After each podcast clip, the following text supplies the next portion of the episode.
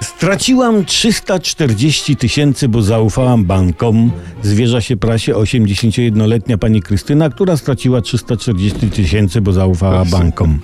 Makler namówił panią Krystynę, żeby zainwestowała oszczędności życia w firmę windykacyjną GetBack, która szybko splajtowała.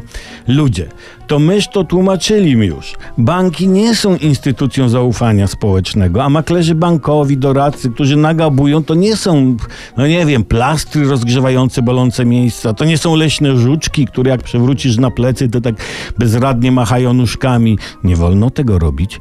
Doradcy inwestycyjni to są właśnie te bolące miejsca. Oni to są ci, którzy bezbronne żuczki przewracają na plecy. Doradcy dążą do tego, by wasze pieniądze w całości przepadły w czeluściach banku przy pewnej prowizji dla doradcy.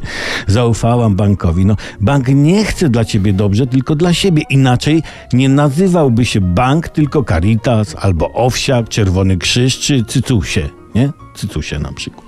Przecież jakby to był naprawdę dobry deal, w sensie interes, który proponują ci doradcy, to by do ciebie nie dzwonili, tylko sami zrobiliby ten interes, nie? Logiczne.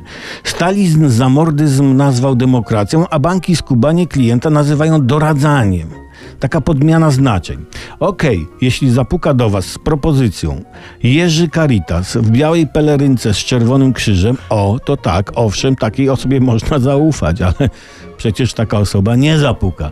Dlatego słuchajcie, ostrożnie z doradcami inwestycyjnymi.